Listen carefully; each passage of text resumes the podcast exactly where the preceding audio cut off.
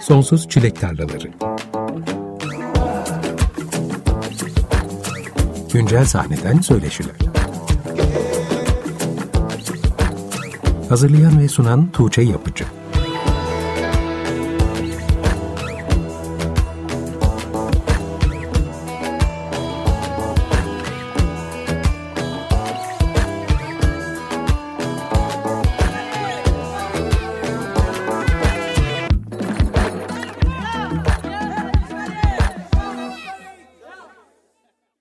95.0 Açık Radyo'da Sonsuz Çilek Tarlaları programından herkese iyi akşamlar. Ben Tuğçe Yapıcı. Programı Civa Flava'nın Lagoon adlı parçasıyla açtık. Bu akşam çok özel bir grupla birlikteyiz. Neden özel olduklarını da az sonra gerçekleştireceğimiz sohbeti dinlediğinizde anlayacağınızı düşünüyorum. Civa Flava grubundan Aybars Gülümser, Burak Erensoy, Arda Semercioğlu ve Atakan Türkan bizimle birlikte. Bu programda şimdiye kadarki en kalabalık konuk kadromu ağırlıyorum. Civa Flava grubu ekipçe karşımda şu an Çinilihan'da bulunan kendi stüdyolarından bağlanıyorlar bu akşam yayına. 17 Eylül'de yani gelecek cuma İstanbul Jazz Festivali kapsamında gerçekleştirecekleri konserin hazırlıklarındalar bugünlerde. Konser provaları için stüdyoda bolca vakit geçiriyorlar. Prova arasında da önümüzdeki bir saat boyunca bizimle birlikte olacaklar. Hoş geldiniz arkadaşlar. Hoş Merhabalar, hoş bulduk. Merhaba, selam, selam, selam, selam. Çok coşkuluymuş. Bundan sonra hep grup ağırlamak istiyorum böyle tam kadro. Nasılsınız? Nasıl gidiyor konser hazırlıkları? Süper. Keyifliyiz. Yoğun ama böyle insan bazen böyle çalışınca iyi hisseder ya uzun süre çalışınca. Artık o yorgunluğu da hissetmez. Biraz öyle bir kırılma noktasındayız. Hatta kırıldık. Kırıldık bile. Şu an, şu an böyle... Altın günün öncesinde sahne alacaksınız. Siz geçtiğimiz Nisan ayında Hadalzon adlı ikinci uzun çalar albümünüzü yayınladınız. Albüm yayınlandıktan sonra hiç konser verememiştiniz. Geçen hafta Haliç'te verdiğiniz konserle siftahı yaptınız. Deniz Tekin de size konuk olmuş sahnede. Neler yaşandı konserde? Deniz'le birlikte neler yaptınız? Ya şey şey çok güzel bir his ya. Böyle Deniz'in Deniz'i arkaya alıp böyle çalmak ilk defa böyle başıma gelen bir şeydi. Bir de böyle Haliç'te çok fazla hani yani burada bir dakika ben ben var edebilir miyim kendimi falan dediğim çok fazla şey olmuştu ama ilk defa böyle rahat bir şekilde böyle hani ya bu konser arkada deniz var sürekli gemiler geçiyor böyle geçerken korna falan çalıyorlar el sallıyorlar falan gibi böyle bir. Bir de sadece deniz ve gemi özelinde de değil bayağı tarihi bir yarımada evet, var evet. arkada. Aynen. Camiler, binalar yani. Kesinlikle. O gerçekten ben ilk defa İstanbul'da müzisyen olduğumu hissediyorum. Evet evet, evet değil mi? Evet. Yani müzisyenliğin bir parçası zaten hani konserdir. Öyle bir kolonun eksik olması zaten e, büyük bir boşluk içimizde. Ama o boşluğu da böyle bir konser, böyle bir mekanda doldurmak bence e, çok önemliydi yani. Ben özel hissettim o şeyi. Kesinlikle. Deniz Tekin'le birlikte neler yaptınız sahnede? Bir parçada mı konuk oldu size yoksa daha mı fazla? Deniz iki parçada sahnedeydi. Onun dışında yani çok aslında provalarda da iyi vakit geçirdiğimiz çok güzel bir insan, tatlı biri ve sahnede de gayet iyi geçti. Bundan sonraki konserlerde de ufak tefek şeyler düşünüyoruz kendisiyle. Çok güzel bir enerjisi var ya. Müthiş evet. bir enerjisi var yani. Böyle insanı çok aplayan tat... Ke keşif insanı. Aynen keş Tam keşif, keşif insanı. insanı. keşif insanı aynen. Evet benim de başından beri yolculuğunun takip ettiğim isimlerden birisi Deniz ve sürekli şaşırtmaya devam ediyor. Gerçekten sürekli farklı sulara girip yeni şeyler keşfetmeyi seviyor ve bundan hiç korkmaması gerçekten çok takdire şayan.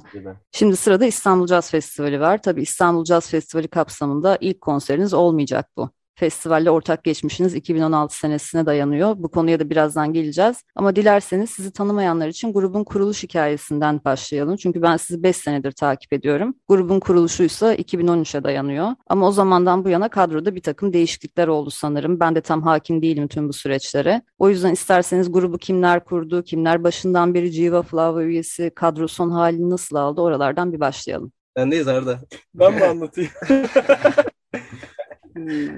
çok sevgili Aybars Gülümser ve çok sevgili Ömer Kaya tarafından 2013 yılında ekip kuruluyor. Grup kurulduğunda ki insanların hiçbiri burada değil şu anda. Aybars ee, ben dışında. dışında. O yüzden biz de yer yer şey tanımına kaçıyorduk hatta. Bu müzik grubu değil, müzik topluluğudur falan gibi. Bu kolektif bir çalışmadır. çalışmadır. Ideadır, bir şeydir. The, the Groove Society. Aynen. Şu anda ama biraz daha farklı bir yapıda tabii. Daha böyle bir grup kimliğine oturmaya çalışan bir yerde. E, ama tabii o süreç nasıldı yıllar boyunca Aybars en iyi. Ya za- zaman içinde biz de çok çok evrimleştik. Çok böyle farklılaştı bir şeyler ama güzel şeyler de kaldı en azından. Ona inanıyorum yani. İlk başta Ömer'le beraber yani bir üniversitede böyle bir funk, soul, jazz işte oralarda böyle takılan böyle bir müzik grubu işte üniversiteli arkadaşların grubu, grubu gibi bir şeydi. Biraz daha böyle Sabancı Üniversitesi ağırlıklı, ağırlıklı bir şey vardı. 3 5 kişinin 3'ü 4'ü Sabancı'dandı. Sonra işte insanlar gelmeye başladı işte birkaç böyle parçalarda bize eşlik ettiler, çıktılar böyle harbiden böyle birazcık topluluk gibi bir şeydi ama yine biz bir yerden böyle ittirmeye çalışıyorduk. Çünkü çok güzel işler yaptık yani. Civo'nun böyle eski müziğiyle yeni müziği yani yeni yeni albümleri eski albümler arasında böyle bir fark duyarsınız. Ama böyle çok şey e, ne derler böyle çok keskin. Ya ben bunu duymak istemeyeceğim yerden de bir yer değil de evet ya bu da bir bir süreçti yani gibisinden böyle kabul ediyoruz ve böyle ve bizi çok güzel bir şey yani. Çünkü orada güzel kökler var. Geçmişi unutmamak lazım. Nereden geldiğini unutmamak lazım yani. Yani yapmak istediğiniz müzik farklılaştıkça mı kadro değişti? Biraz öyle birazcık da işte insanların orada bazen tercihleri olabildi. Bazen tamamen biraz bazen keyfi olabildi. Bazen baya hani bir kariyer planı oldu. Bazen anlaşamadığımız oldu. Ama problem değil yani. Bence herkesle böyle en azından decent, güzel bir yerde hala şu anda buluşabileceğimize inanıyorum yani. Burak ve Atakan siz ne zaman dahil oldunuz ekibe? Hmm, ben en son dahil oldum. Ee, Burak benden herhalde bir sene önce falan dahil olmuştu. Bu Hadalzo'nun kayıtları sırasında dahil oldum ben gruba. Oradaki davulları ben çalmıştım. Bir de sonra Malova. Aslında ilk konserimi işte geçen hafta Haliç'te Civa ile beraber. O ilk konserim o zamandı yani Civa ile çaldığım ilk konser. Çok en yeni benim. Şahane bir açılış olmuş. Beraber bir buçuk yıldır çalıyoruz ama Atakan'la ilk konserimizdi. Aynen öyle yani. Şu, şu dörtlü 2013'ten beri belki de en fazla prova olan, en fazla çalışan, en fazla yani müzikle beraber vakit geçiren dörtlü yani. O yüzden çok yabancılaşma gibi bir şey olmuyor yani açıkçası. Siz de çok fazla prova alan gruplardansınız sanırım. Öyle sadece konser olduğunda stüdyoya girelim iki prova alalım şeklinde ilerlemiyor herhalde çalışmalarınız. çok takip edecek çok şey var ya. Ya o yüzden provası ya bizde pro, provaya girmekten ziyade provadan çıkıp hani hayati ihtiyaçları karşılama, yemek yeme, biraz başka işler yapma falan gibi döngüye giriyoruz tabii, genelde. Tabii. Aynen. Ee, Sınırları çok zorluyoruz ya. Yani bir araya gelmeyi seviyorsunuz aslında. Yani hani e, tabii ki bu keyifli de bir şey ama bir yandan tabii onun meyvesini alaca alacağımızı da bildiğimiz için birazcık böyle e, insanın işe yaptığı bir saygı yani öz disiplin ve kendine de saygı duyabilmesi orada bence beraber gelişen bir şey. Onu beraber oluşturmaya çalışıyoruz. Yoksa hepimiz aslında bence kendi kişisel hayatlarımızda çok fazla tembellik yapabilen, çok fazla işi yarına atabilen falan kişilikte insanlarız ama onun nerede çalışıp nerede çalışmayacağımız çalışıp çalışmayacağını bildiğimiz için de böyle bence o ayrımı yapabilmekte yani şey olay. Yani Jiva Flava'nın şu anda karşımda gördüğüm son kadrosu 2020'de son halini aldı diye anlıyorum. Doğru. 2016 senesinde İstanbul Caz Festivali'nin genç caz yarışmasına giriyorsunuz. Ben de yanlış hatırlamıyorsam isminizi ilk bu vesileyle duymuştum. Zaten yine aynı yıl ilk albümünüz yayınlandı. Albümün ismi de grubun ismiyle aynıydı. Jiva Flava albümü hazır mıydı genç caza girerken yoksa biraz orada ittiren bir faktör oldu mu size albüm yayınlama konusunda? Yo yani ya bizim hep kafamızda albüm fikri vardı da biraz böyle aslında çalmayı düşünüyorduk. Hatta genç caza girebilmek için albümün olmaması gerekiyordu gibi bir şey de vardı sanırım yanlış hatırlamıyorsam. Yani Bence öyle var. bir şey vardı. Yani bizim orada albüm yavaş yavaş böyle aslında oluşmaya başlıyordu. Zaten yani ilk ilk günde de o tarz bir ciddiyet en azından birazcık vardı yani ve böyle bir albüm konsepti ile tamamen bir konsept bile bir şey olmasa bile en azından hani parçalar nedir, hangi, neyi albüme koyabiliriz falan gibisinden düşünüyorduk böyle. Hep çalıyorduk o sırada çok çok fazla çalıyorduk. En azından ben, ben öyle hatırlıyorum yani. Genç cazda güzeldi ya, keyifliydi bayağı böyle güzel bir seneydi ya. Hala böyle umutluydu yani bir şeyler. Hala da öyle sanırım. Bilmiyorum. Öyle mi? Müziğinde caz öğeleri barındıran bir grupsunuz ama bir caz grubu değilsiniz. Genç caza katılmaya nasıl karar verdiniz? Aslında sizin gibi gruplar katılıyor ama daha çok caz grupları ya da caz vokalistleri ağırlıklı oluyor başvurular. Bilmem ya cazın böyle çok hani standartize edilmiş böyle stand, standart zaten standart çalım şeyler işte böyle biraz işte schoolish caz böyle birazcık hani sıkıcı bir yerde bence. Hem sound olarak da yani kompozisyon olarak da yine bence öyle. O yüzden birazcık böyle yani Civa'da olan insanlar hep zaten böyle biraz farklı bir şey arıyor. Böyle bir bir kavram var yani merak merak duygusuyla ilerlemek, kendini de orada keşfetmek yani böyle bir bir görmek yani sınırı. O yüzden Yani sound başka şeylere evriliyor. Çok fazla onu kontrol etmene gerek kalmıyor. Ya, ama onun dışında tabii yani niye o zaman genç cazlısın? Neden füzyon müzik? Neden cazcı olarak tanıyorsun falan gibi bir şeyse. Ya o birazcık hem işte dışarının verdiği bir yakıştırma, dinleyicinin verdiği bir yakıştırma. Bir de yani otomatikman öyle bir yere kayıyorsun. Yani öyle bir kategorileştirmek insan sanırım istiyor yani. Hani benim babam bile sen cazcısın bunu unutma cazcısın sen cazcısın deyip duruyor yani. İlginç bir şey. Bilmiyorum. Hepimizin Siz... ailesinde olan bir şey o. Değil mi? Burak e, caz piyanisti oğlum. o bir değil aslında bir yerde. Sizce biz neyiz? Ben artık tanımlamaktan çok uzak durmaya çalışıyorum mümkün olduğunca. Zaten sanatçılar da bundan pek hoşlanmıyorlar. Çok türler arası, türler üstü hatta bir döneme girdiğimizi düşünüyorum 2010 senesinin sonrasında. O yüzden mümkün olduğunca böyle tanımlamalara uzak durmaya çalışıyorum. Ama eğer ki sanatçılar kendi basın bültenlerinde ya da kendi sosyal medya hesaplarında belli bir şekilde kendilerini tanımlıyorlarsa da o tanımları kullanmaya çalışıyorum sunarken. Bizim için hiç, hiçbir problem yok ya. Hani hangi, hangi kalıpla indirgenmek isteniyorsa okeydir. Problem, problem değil yani. Peki ilk albümün sonrasında Botanik EP geldi 2018'de. Ardından Kinetik 2 EP 2019'da ve geçen yıl 2020'de Telve adlı bir single yayınladınız. Herhalde o da bu kadroyla kaydedilmiştir diye düşünüyorum. Ben tam oradan sonra geldim ekibe. Yani Arda ve Burak vardı ama. Aynen. Aynen. Biz vardık. Davulda Barış vardı. Ve sonrasında pandeminin birinci yılı henüz dolmuştu ki yine evlere kapandığımız geçen ilkbaharda yeni albümünüzü yayınladınız. Hadalzon ismindeki albüm Nisan 2021'de geldi. Uzun çalar bir albüm. Beş yıl aradan sonra yayınlanan ikinci uzun çalar albümümüz. Hadalzon okyanusun derinliklerine doğru hayali bir yolculuğu anlatan konsept bir albüm. Böyle konsept albümlerde hep şunu merak ediyorum. Parçaları yazarken ilk önce tema şekillenmiş miydi kafanızda? Yani önce hikaye sonra şarkılar mı geldi? Tam tersi mi yoksa eş zamanlı mı gelişti? Kafada direkt direkt bitti kafada ya. Yani o mimari biraz garip bir şey. Böyle çok sözcüklerle çok açıklanabilir bir şey değil. Sizin dediğiniz gibi herkes böyle evine kapandığında e, biz o sırada ya çalışamayacağız, yapamayacağız deyip bu krizi belki bir fırsata çevirmeye çalıştık ve e, yazlık evimizde böyle bir bir aylık bir kapanmaya girdik. Bir konsept fikri atıldı ortaya ve ondan sonra tak tak tak gerisi geldi yani. O biraz olunca olan bir şey. Çok heyecanlı ya. Yani şu anda tekrar böyle düşünce biraz garip hissettim ama hani... İki haftada üç hafta. Evet evet yani çıkacak olan şey çıkıyor gibi bir şey var bir yerde anladın mı? Hani... Önce hikaye çıktı diyebiliriz ama bence.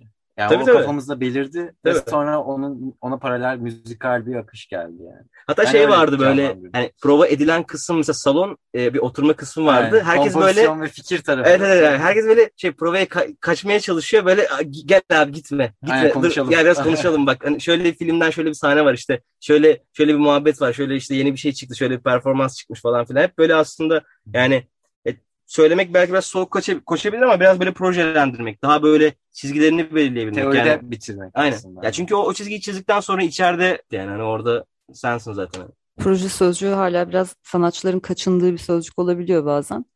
Ama yaptığınız işte öyle tanımlamak gerekiyorsa öyledir bir yandan da. Evet ya biz seviyoruz ya öyle şeyleri biraz Proje böyle. Adamları. Ben böyle yani, çir, yani çirkin değil. çok, çok müteahhitlere. aynen aynen. Çok çok tekrarlamaya gerek yok zaten de hani en azından böyle yeni bir işe kalkışmayı seviyoruz yani. Öyle diyeyim. Belki projeden ziyade daha bütünlüklü bir deneyim tasarlamak diyebiliriz. Kesinlikle aynen. Belki daha doğru anlatabilir. Peki albümle aynı ismi taşıyan hikayesini sizin yazdığınız Cem Ozan Çetintaş'ın çizdiği bir de çizgi roman var. Az önce bahsettiğimiz okyanusun derinliklerine doğru yol alan bu izlek çizgi romanla bütünleşince çok daha somut bir şekilde takip edilebiliyor. Çizgi romandaki hikaye albüm şarkılarını takip ediyor. Çoğunlukla birkaç sayfalık bölümlere ayrılmış kitap. Bölümler albümdeki parçaların isimlerini taşıyor. Ve Hadalzon albümünü dinlerken bir yandan da çizgi romandan takip edebileceğimiz şekilde tasarlanmış. Kliplerinizden görsel dünyanıza çok önem verdiğinizi ve müziğinize topyekün bir deneyim sunmak istediğinizi biliyorum ama çizgi roman fikri nasıl gelişti?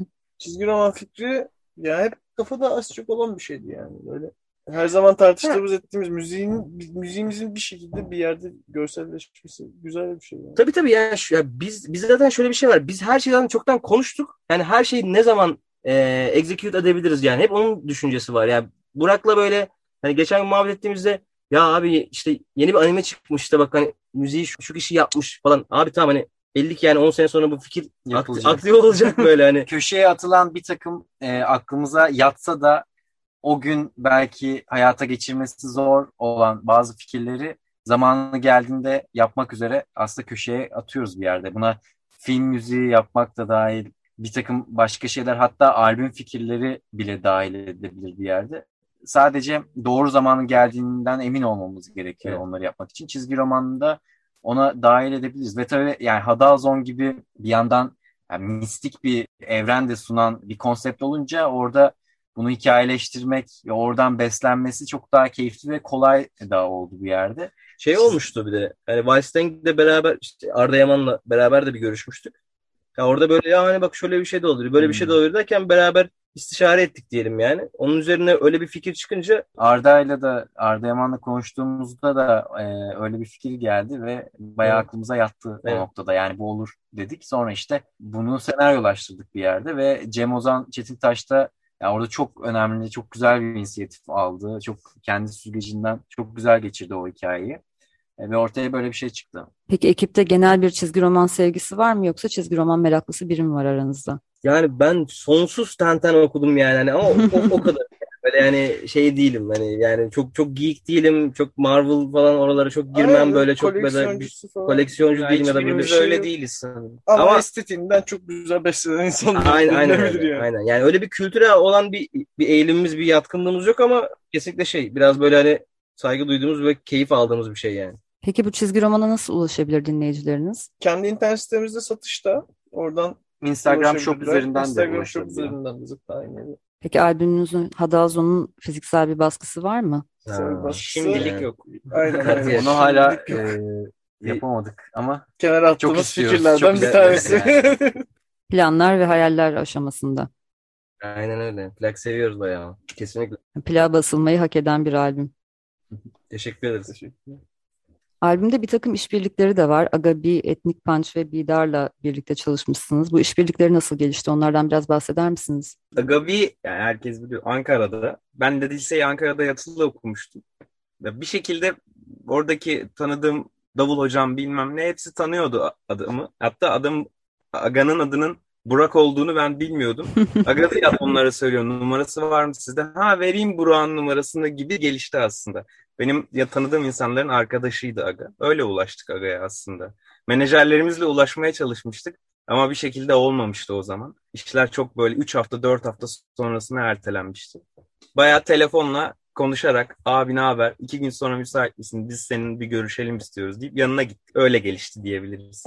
Hızlı oldu. Çok hızlı yani. E, Ali ile de Etnik Punch'la da sanırım direkt mail üzerinden mi evet evet mail vasıtasıyla şey Önceden bir tanışıklığınız yoktu ikisiyle Ya de. şöyle ama yani net böyle şey vardır ya abi bu parça çok iyi bu adam çok iyi ya ben bunu böyle hani Evet evet. Aramızda falan konuşuyorduk. hani İkisi ikisiyle de biz aslında bir yerde gerçekten bir şeyler yapma enerjimiz Evet, vardı evet, yani. evet, iyi yani- dinleyicileriydik yani o zaman. Evet. Yani, etnik bağışın miskinatlarını biz Arda ile net 500-600 kez falan dönmüşüz Evet, herhalde. yani, Yani. Çok. Ag- Aga'nın mesela kafisi inanılmazdır yani. şeydi yani bir ara. Ee, Muaf albüm falan inanılmaz bir albüm. çok çok Çok- tatlı. Yani Ee, Bidar'la da aynı şekilde o zaten bizim daha önceden tanıdığımız, Tabii, etrafımızda olan çok sevdiğimiz bir arkadaşımızdı. Ee, o da çok destek oldu bize. Siren parçasında da bu arada onun Evet. vokalleri var. Pilok'ta da e, o söyledi. Ve çok güzel bir Lagoon'da da-. Lagoon'da da. Lagoon'da da var. Evet. Lagoon'da da var. Evet, Siren parçasında programın kapanışını dinleyeceğiz. Bidar'ın da sesini duyacağız zaten. Yani anladığım kadarıyla siz dinlediğiniz, sevdiğiniz yerli sahneden isimleri kendi müziğinize bir şekilde birleştirebileceğinizi, bütünleştirebileceğinizi düşünerek onlarla iletişime geçtiniz diye anlıyorum bu işbirliklerinin gelişiminde. Aynen Şimdi dilerseniz programın ikinci bölümünde bahsedeceğimiz Mağluva Su Kemeri'ndeki performansınızda yer alan ikinci parçayı dinleyelim, Aquatic parçasını. Bu aslında Hadalzon albümünde de yer alan bir parça. Albümdeki versiyonu çok daha kısa. Şimdi biz çok daha uzun canlı versiyonunu dinleyeceğiz. Ardından tekrar Jiva Flava grubuyla burada olacağız ve Mağluva Su Kemeri'ndeki performanslarından bahsedeceğiz. 95.0 Açık Radyo'da Sonsuz Çilek Tarlaları programındasınız. Bu akşam Jiva Flava grubuyla birlikteyiz. Kendilerinin Mağluva Su Kemeri'nde gerçekleştirdikleri performanstan Aquatic adlı parçayı dinledik. Orada gerçekleştirdikleri performanstaki canlı kayıttı bu parça. Biz geçen hafta grubun yarısıyla Aybars ve Arda ile radyo öncesinde bir ön söyleşi yaptık. Biz kendimizi konuşarak anlatmaktan ziyade müziğiyle ifade etmeyi seven bir grubuz dediler ama yaptığınız bazı işler bana konuşarak da anlatacak çok şeyiniz olduğu hissini veriyor. O yüzden şimdi Mağluva Su Kemeri üzerine gerçekleştirdiğiniz ve kaydettiğiniz live session projesi üzerine süremiz el verdiğince konuşalım isterim. Programın bu bölümünü buna ayıralım. YouTube'da Jiva Flava'nın kanalından ulaşabileceğiniz Live at Malo Aqueduct adlı 28 Temmuz'da yayınlanan videodan bahsedeceğiz şimdi. Yaklaşık 19 dakika süren Jiva Flava'nın Nadas ve az önce dinlediğimiz Aquatic parçalarını perform ettiği bir live session kaydından bahsediyoruz. Malova 1554 ve 1562 yılları arasında İstanbul'da Ali Bey Deresi Vadisi üzerinde Mimar Sinan tarafından yapılmış tarihi bir su kemeri. Performans için neden burayı seçtiniz? İlk olarak bu seçimin sebeplerinden başlayalım isterseniz. Ya bizi böyle çok tarihi yerler böyle kadim, ancient şey uygarlıklar böyle bu tarz şeyler inanılmaz etkiliyor. Yani İstanbul'da hiç bilinmeyen bir yer. Bayağı bir kimsenin haberi yok aslında Mağlava Kemeri ile alakalı ve hani sanki şehrin ortasında yanlışlıkla gizlenmiş bir yer gibi yani. Siz nasıl keşfettiniz? Ee, ben abimle muhabbet ederken onun bu tarz şeylere çok fazla şey vardır, ilgisi vardır. Onunla zamanında konuşmuşken öyle bir şey önermişti yani ne diyorsun bak böyle burada bir live session ister misin falan deyince böyle yani direkt direkt böyle ilk görüşte aşk hissi yani. Bir de yani gidip tabii görünce ya onun etkisi çok daha büyük oluyor. Yani bu Malova su kemeri böyle sanki şehir içindeki o e, yani hepimiz öyle biraz dert yanarız ya. Abi burası çok hızlı bir yer işte Aa, falan işte korna sesleri, trafik bilmem ne böyle insanların kabalığı bir şeyler onlar bunlar böyle doğanın katledilmesi falan derken böyle sanki içerisinde sanki böyle ilginç kurtarılmış zamansız ve öyle mekansız bir yer gibi yani. Sanki oraya çok bir şey yapılmamış gibi. En azından biz biraz öyle görmeye çalışıyoruz. Biraz romantize etmek çok komik gelebilir ama en azından bizim için böyle birazcık durmak değil. Böyle aşırı aktivist böyle ya da tersine çekmek değil. Sadece biraz yavaşlamaya çalıştığımız bir yer yani. Yoksa yani mekanlarla ve zamanla aslında hep böyle kendi ölçeğimiz üzerinden bir ilişkilendirme yapmaya çalışıyoruz. Biraz daha dengeli yani grubu ne çok aşırı politize eden bir yerde tutan bir çalışma ne de tamamen böyle e, etliye sütlüye karışmayan böyle bir yerde değil de böyle aslında bunun hep böyle bir dengesi var ve bu hep bizce zamanla mekan e, yaptığımız işlerin mekanıyla ve hani içeriğiyle çok sürekli değişen bir şey yani. Ben daha fazla soyut konuşmadan istiyorsanız diğer soruya da geçebiliriz ama yani şu an gevezeliğim başladı. Aslında Jiva Flava'nın müziğiyle bütünleşeceğini düşündüğünüz nokta bu zamansızlık ve mekansızlık algısı mıydı? Yani şimdi o işte o, o çok garip bir şey mesela. Zamansızlık tan öte bence ziyade zaman Olsun. zamanın ötesi bence olay. Yani zamanın tepesinden ona tanıklık edebilmek ve orada birilerini ya da bir şeyleri değiştirebiliyorsan ne mutlu gibi bir yerden geliyor bence ve mekansızlık da değil bence. Çünkü bizim orada ya bizim oluşturduğumuz yankıyı tamamen mekan şekillendiriyor. Onun duvarlarına çarpıyor. Oralarda hareket ediyor. O yüzden aslında ortada bir gözlemleme var ve bir sunum var diyebilirim. Kesinlikle. Peki her isteyen gidip oraya kurulup bir performans yapamıyordur herhalde. Burada çekim yapmak için belli bir izin almak da gerekiyordur. Tabii aslında yani şöyle yani ilginç bir şekilde aslında yani oraya gidiş var. Yani biraz zorlu ama e, ya hatta çocuk, insanlar da çocuklar orada gitar falan çalıyor böyle ayaklarını falan sallıyorlar falan. Sadece tabii bir çekim yapmak için. Bayağı ee, zor yani çok elverişli bir yer değil. Aynen zorlu bir Hatta şey. Hatta üzeri de şey değil, düz değil yani. Bizim ee, durduğumuz tabii, yer tabii, eğimliydi. Tabii, tabii, tabii. Böyle e, benim işte klavye kılıfım falan uçtu. İnanılmaz bir rüzgar var. Vadi rüzgarı alıyor. Yani gerçekten kolay iş değildi orada kurulmak ve çalmak ama e, sonucunda çok e, memnun kaldık. Yani iyi ki yapmışız dedik. Ya gidilebilir bir, bir bir yerde. Yani en son tabii bir kapatmışlardı. E, şu an ne durumda ben bilmiyorum ama ya bence İstanbul'da yaşayan insanların böyle bir gidip görmesi gerekir ya. Yani çok en azından çok da bilinen bir şey değil ya. O yüzden ayrı bir şey de var böyle hani. Mistik bir. E, e, aynen öyle ya bak hani hani ben Mağlava falan hani. Hmm. Yani bir turist cazibesi haline gelmemiş. Evet evet kesinlikle Aynen. öyle bir durumda değil yani. Lojistik zorlukları soracaktım aslında. Şimdi siz de değindiniz biraz. Oradaki eğim, oraya çıkmak, kurulmak, sonrasında rüzgar ve akustik anlamda nasıl zorluklar yaşadınız? 70-80 tane toprak basamak var inmek için. 350-380 adım var yukarısıyla aşağısı arası. Biz ölçmüştük Erdal evet. abiyle. Erdal Altun bu arada yani o o şeyin kahramanıdır. Ee, o çekimin. Yani ben gö- götürdüğümde onu evet çok güzel yer dedim. evet, baktı bir gülüştük böyle beraber. Erdal Altın muhteşem bir insan yani ve baya böyle bir şeyleri oldurabilen oldurabilen insanlara böyle acayip bir saygımız var. Yani o se- bir sesçi yani ses düzeneğini işte jeneratör, jeneratör, jeneratör arabayla jeneratör falan ayarlayan falan baya o anlamda bizi aktive eden insan odur yani. Kolay bir şey değil ama gerçekten yani Yapar mıyız abi? Yaparız kardeşim. aynen yani Ben o- onu, çıkıp olan bir şeye dönüştü yani. Aynen. Olan bir işe dönüştü. Ya insan isteyince yapıyor ya. Bir şekilde oluyor yani. Ve tek bir günde gerçekleşti herhalde çekimler. Evet, Evet, yani evet. 4-5 saat içerisinde aslında tek bir gün uzun bir süre. Evet. İki, iki kere çaldık. Ee, Kurulduk. iki buçuk saat kadar da kurulduk gibi bir durum var işte. Bu proje Balbazar Records ve Gülbaba Records ortak yapımı olarak hayata geçirilmiş. Balbazar Records sizin kendi firmanız. Gülbaba Records da sizin son albümünüzün yayınlandığı label. Gülbaba'yı zaten senelerdir biliyoruz. Bir menajerlik şirketi olarak başladıkları yolda yakın zamanda bir label'a evrildiler. Balbazar Records'ı daha önce duymamıştım. Bu projede ismini görünce merak ettim ama meğerse o da sizin kendi label'ınızmış. Balbazar hangi amaçlarla kurulmuş bir label? Uh, Anlat bakalım. Ya bu, bu, bu sorunun aslında cevabı biraz uzun. Aslında birazcık genel olarak şöyle diyebiliriz yani müzisyene gerçekten iyi imkan sağlayabilmek ve yani çok müthiş rafine edilmemiş böyle bir şeylerin sağıtılmamış e, ve işte tırnak içinde özgün müziğe, özgür olan müziğe ve Türkiye'de, İstanbul'da, Türkiye'de yetişen yetenekli müzisyenlere bir şekilde imkan sağlamaya çalışan ve bunu yapabilecek de ufak da olsa bir gücü olan, bunu isteyen bir bir plak şirketi ve Civa ile sonsuz bir bağlantısı var. Her zaman da olacak. Balbazar Records böyle bizim en başından beri aslında hayalimizdi.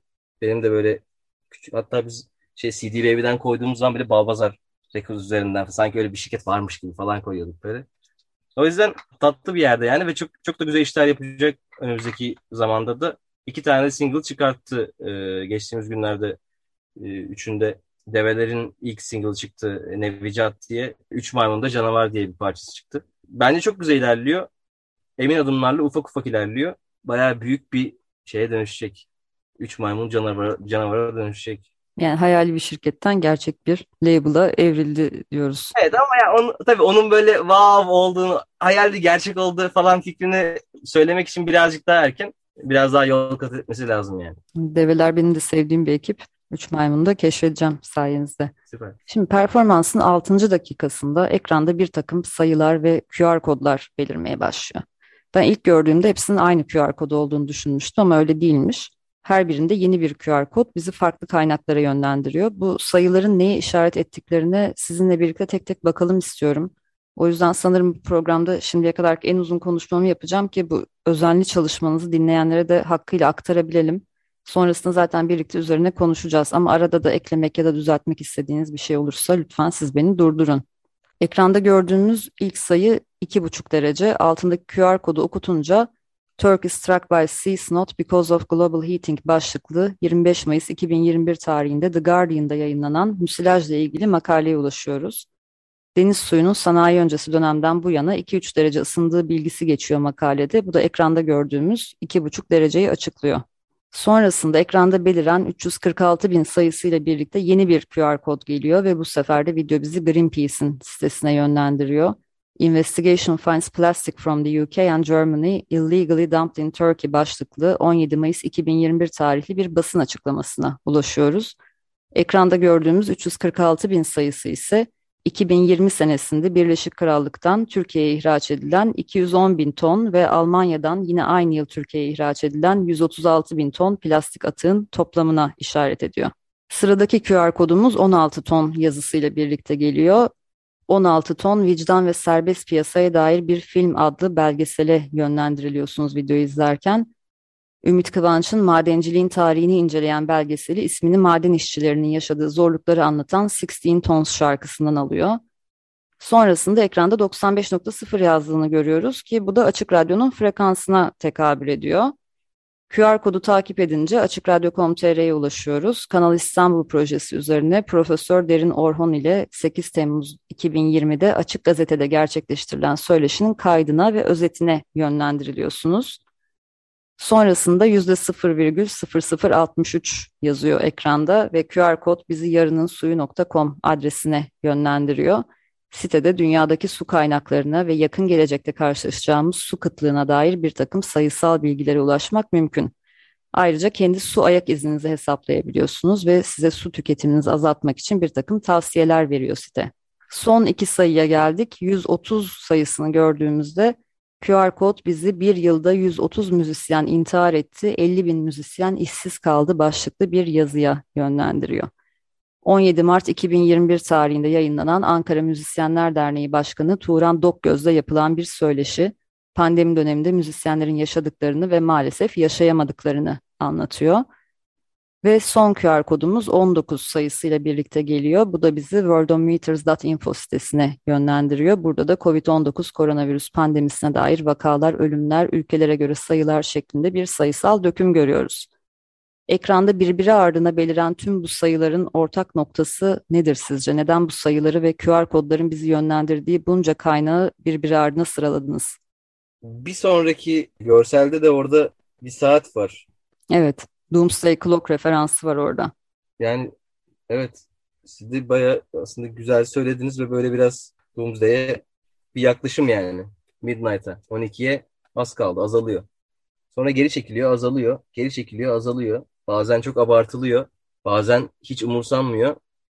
Ama sanki o kadar da müthiş iyi bir yerde değiliz sanki dünya olarak. Ya bizim bununla ilgili belki söyleyebileceğimiz yani müthiş televizyon programlarındaki böyle profesörler gibi konuşacak müthiş bir altyapımız olmasa bile en azından e, bunu biz biraz gözlemci bir yerden e, dünyayı gözlemleyen bir yerden olarak söylüyoruz ve böyle yani çok iç, iç açıcı bir tablo olmadığını Türkiye'de de yaşarken öyle dışarıdaki dış dünyadaki haberleri dinlerken izlerken de öyle e, çok iç, iç açıcı bir tablo olmadığını farkındayız. Hatta bayağı karamsar bir şeyin üzerimize kara bulutların böyle bayağıdır gitmediğini düşünüyoruz. Yani öyle bir hissiyatımız var. Hatta yokuş aşağı evin yanması ve batan gemi gibi böyle farklı anahtar kelimelerimiz var kendi içimizde. Yine de bunun bizi çok fazla etkilemesine izin vermeyip ne olursa olsun ne kadar saçma sapan haberler olursa da olsun ya da ne kadar işte yani fact olarak işte bilimsel de bir fact bir yandan yani. Çok duygusal da bağlamamak gerekiyor belki e, ne olursa olsun biz yapmaya çalıştığımız en iyi şeyi yapmaya çalışacağız. O zaten bir sonraki Komugi orada mısın sözü de oradan geliyor. Anime karakterlerinin son zamanlarında, son anlarında oynadığı satranç oyunu gibi. Biz de birazcık böyle kendimizi eğer bu dünyanın son 100 saniyesi ise sanırım biz de beraberiz ve biraz müzik yapacağız o 100 saniyede.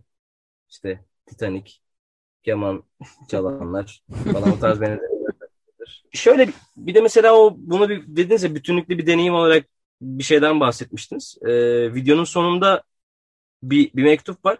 O mektupta bu karamsar haberlerin ya da işte insanı kötü etkileyebilecek olan bu haberlerin bizim için nasıl bir yerde bizden sektikten sonra nasıl bir şekilde açığa çıktığında orada da insanlar bence görebilir ya da onu öyle görmeliler gibi düşünüyoruz. Artık yani çevreciliğin Hayır yani çevreciliğin artık politikada uç bir temsiliyeti olmayacak. Çevrecilik evet. merkez politik politiğe dahil, dahil, e, dahil olan bir şey e, haline geliyor ister istemez. O yüzden hani Civa'nın böyle bir şeyi ifade etmesiyle artık politik bir yerde yer alması bu yüzden mantıksız geliyor kulağa. Çünkü artık bunlar çok main narratifler, anlatılar olmaya başlıyor. Haklı Öyle olarak. olmalı da yani.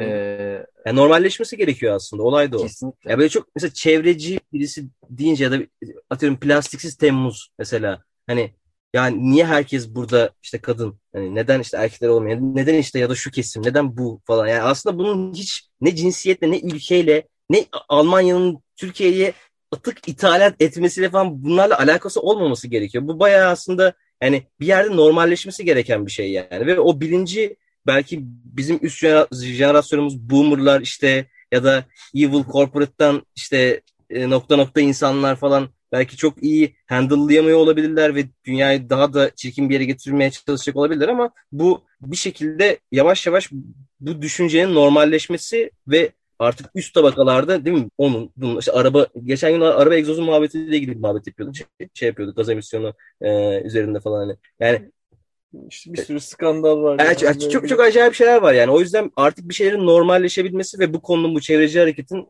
bir yerde böyle dist bir seviyeye geldikten sonra değişimin kişilerin öyle ben kompost yemek yiyeyim aman işte vegan besleneyim falan gibisinden bir yerden değil de yani tamamen her her alanda aslında onun bir yerde gelişebilmesi önemli. Yoksa yani o o şeyi izledikten sonra insanlar ya evet tamam hadi hadi başlıyoruz. Tamam hadi artık plastik kullanmayacağız. Hadi artık şey yapmayacağız. Ormanları yakmayacağız falan bir şey yani öyle öyle bir şey değil yani. Gerçekten onun bir bilinç seviyesine bence ulaşabilmesi gerekiyor yani. Biz dünyayı kendimiz böyle çok kendi tatlı yerimizde kurtarmaya çalışıyoruz ama hani dediğim gibi yani bence bunun böyle farklı bir bilinç seviyesinde bütün dünyaya yayılabilmesi buna cure olabilecek bir şey yani açıkçası. Çok daha büyük ölçekte olması gerekiyor. Bunun için de bence ya sanat kanalı çok e, çok daha etkili bir motivasyon. Yani insanları birleştirme potansiyeli, gücü tipik politik birinin çıkıp konuşmasından çok evet. daha fazla. Çünkü insanın içine işle işleme potansiyeli var onun. Onu bir hayatına işleme ya da o hayat tarzı haline getirmenin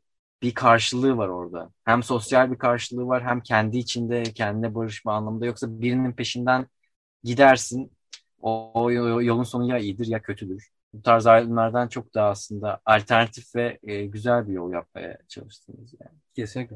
Evet, dünyada da büyük sanatçıların, grupların bu konuda eylemleri oldu ve bu eylemlerin doğrudan politikalar üzerinde etkili olmadığını ama insanları bu konuda bilinçlendirmek ve harekete geçirmek anlamında çok etkili olduğunu biliyoruz. Bu video neredeyse 150 bin defa izlenmiş. Şu ana kadar nasıl yorumlar geldi? Referans verdiğiniz kaynakların ilgisini çekti mi bu video ve Türkiye dışından da geri dönüşler aldınız mı merak ediyorum. Ya epey bir insana ulaştık aslında Hı. bu videoyla ama e, yurt dışı anlamında şu anda çok kayder bir geri dönüş olmadı. Hı. Ee, çok üzerine de şey. üzerine de daha fazla düşmemiz gereken bir şey belki de bu. Hani globalde sesini duyurmak. Ama yurt içinde yani kendi çevremizden çok olumlu e, geri dönüşler aldık. Ya aslında bizim sürekli karşılaştığımız e, bir yani problem mi denir bilmiyorum ama hani aşmamız gereken bir şey e, bizim yani Malo videosunu dinleyecek insanların o 19 dakikayı çıkarabilmesi yani müziğin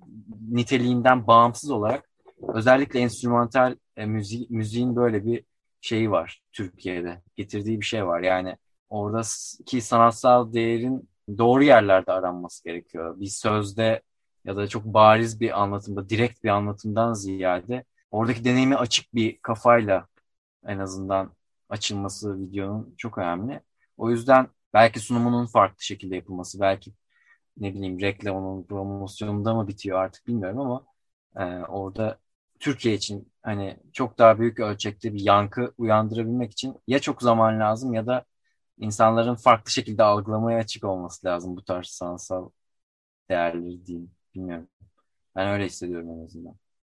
Yani bizim ulaştığımız çevre çok daha tırnak içinde niş ve sınırlı çevre yani. Yüzde yüz. Çevre sorunları ve iklim değişikliği başta olmak üzere çeşitli konulardaki duyarlılığınızı müziğinizle bu kadar estetik bir biçimde birleştirebildiğiniz için kendi adıma sizi tebrik etmek istiyorum. Dinleyicilerimizi her zaman böyle derinlikli işlere kulak vermeye davet ediyorum ama bu sefer Mağluba Su Kemeri'ndeki performansınızı hem izlemeye hem de paylaşmaya davet etmek istiyorum ki az önce söylediğiniz gibi daha niş ve sınırlı bir kitle içerisinde kalmasın bu iş. Çünkü gerçekten bir defa maruz kalan çoğu kişinin gözünü kırpmadan 19 dakika boyunca izlemek zorunda kalacağını düşünüyorum. Bu seyirde zengin kaynaklar sunan bir yolculuk vaat ediyor. Arkadaşlar çok teşekkürler. Çok mutlu oldum sizinle tanıştığıma sonunda. Biz çok teşekkür ederiz. Biz de çok memnun olduk. Bu akşam konuklarım Civa Flava grubuydu. Aybars, Burak, Arda ve Atakan olmak üzere tam kadro bizimle birliktelerdi. Şimdi onlar 17 Eylül'de İstanbul Jazz Festivali kapsamında gerçekleştirecekleri konserin hazırlıklarına dönecekler. Biz de son olarak Civa Flava'nın bu yıl yayınladığı Hadalzon albümünden Siren adlı parçayla sizlere veda edeceğiz. Sonrasında her zamanki gibi yayını Vertigo programına devredeceğiz. Gelecek pazartesi saat 20'de görüşünceye kadar hoşçakalın.